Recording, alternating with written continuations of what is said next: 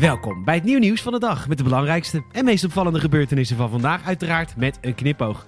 Met vandaag, de horeca gaat weer open, sekswerkers nog niet en natuurlijk, een comedy die al meer dan een decennium van de buis is, komt weer terug nieuws. Mijn naam is Peter Bouwman en dit is het nieuw nieuws van de dag, donderdag 25 februari.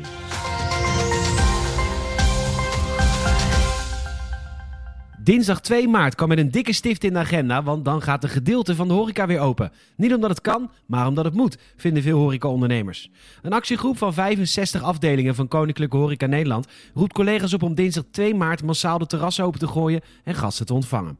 Het gaat om dezelfde actiegroep die eerder op 17 januari al de deuren wilde openen, maar toen puntje bij paaltje kwam toch gesloten bleef. Dat kwam omdat destijds code zwart dreigde te ontstaan in de zorg, vertelt woordvoerder Johan de Vos bij Omroep Brabant.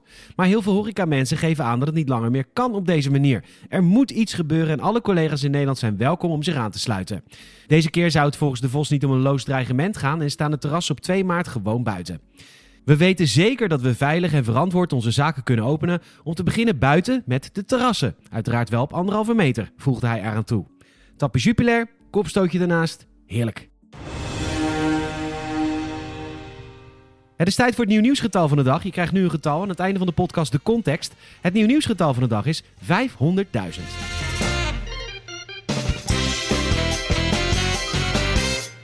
Kappers en stylisten mogen de deuren vanaf 3 maart weer openen. Sekswerkers moeten de benen gesloten houden. En daar zijn ze het niet mee eens.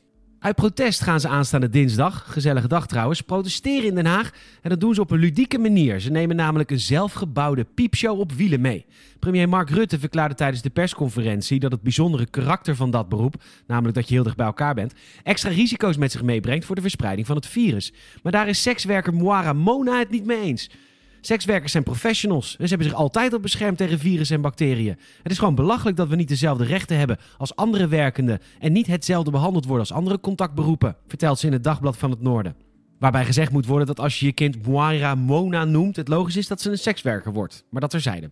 Ze benadrukt tevens dat veel leden van haar beroepsgroep buiten de steunmaatregelen van het kabinet vallen en dus extra hard worden getroffen door de lockdown. Daarom heeft ze voor komende dinsdag de actie georganiseerd. De boze sekswerkers zullen dan op de Hofplaats demonstreren voor meer vrijpartijheden. Een video van een pakketbezorger die zonder enige subtiliteit de pakjes uit zijn bus smijt, zorgt voor de nodige ophef op het internet. Mensen zijn verontwaardigd over de hardhandigheid waarmee er met hun mogelijk breekbare pakjes wordt omgegaan en zijn ook niet te spreken over de reactie van de bezorger. Aanleiding voor de ophef is een tweet van Bianca Toeps uit Rotterdam die de pakketwerper op video vastlegde. Ze vroeg nog of hij iets voorzichtiger kon zijn met de pakjes, maar had de bezorger geen boodschap aan. Als je niet wil dat ik ermee gooi, moet je niks sturen.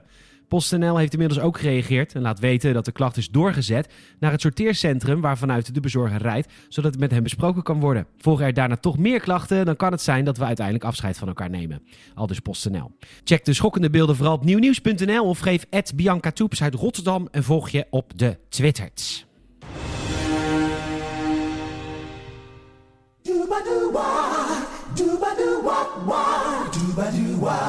Ach, het was de comedy voor de ontwikkelde mens uit de jaren 90 en werd daarom ook overspoeld met 37 Emmys, maar was zelden grappig. Vond ik dan, hè? maar hey, ik was nog heel jong.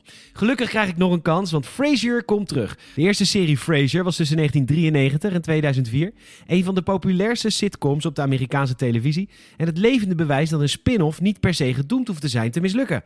Fraser Crane was namelijk tussen 1982 en 1993 als bijrol te zien in de serie Cheers over een bar in Boston waar hij als stamgast over de vloer kwam. Na de tijdlijn van Cheers en een huwelijk dat op de klippen liep, verhuisde hij terug naar zijn geboorteplaats Seattle. Hier kreeg hij een baan als radiopsychiater en gezelschap van onder meer zijn volkse vader Martin, rigide jongere broer Niles, thuiszorgmedewerker Daphne en Jack Russell Eddie. John Mahoney, de acteur die Frasers vader speelde, zal in elk geval ontbreken. Hij is twee jaar geleden op 77-jarige leeftijd overleden. Dierennieuws. In Pennsylvania, dat is in de VS, is een zeldzame half mannetje, half vrouwtje vogel gespot.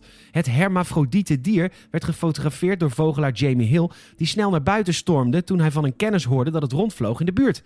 Intersexe vogels zijn zeer zeldzaam. Bij vogels verschillen mannetjes en vrouwtjes vaak van kleur en deze vogels daarom ook precies half rood, half oranje-wit. Dit zie je maar één keer in je leven en is een kans van 1 op een miljoen, vertelde Hill aan de BBC. De vogel in kwestie is een grote ivoorsnavelspecht waarvan lang gedacht werd dat deze uitgestorven was.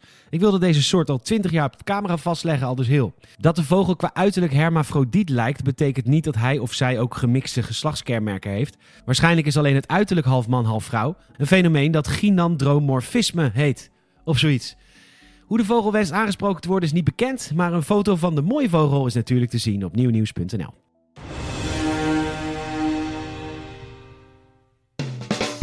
Het nieuwe nieuwsgetal van de dag is 500.000. Een ontvoeringsdrama in Hollywood. De hondenoppas van Lady Gaga is neergeschoten tijdens een wandelingetje met de natte neuzen. De dader gingen vandoor met twee van haar Franse bulldogs. Het gaat om Koji en Gustav. Gaga zit op dit moment in Rome voor de opnames van een nieuwe film en schijnt er kapot van te zijn. Ze zou een beloning van 500.000 dollar hebben uitgeloofd voor de veilige terugkeer van de twee keffers. Bedankt voor het luisteren. Help het nieuw nieuws van de dag te groeien. En vertel een vriend of vriendin over deze podcast. En laat ik even een Apple Podcast review achter. Check elke dag nieuwnieuws.nl voor het laatste nieuws. En volg ons ook even via YouTube, Instagram, Facebook, Twitter en TikTok. Tot morgen.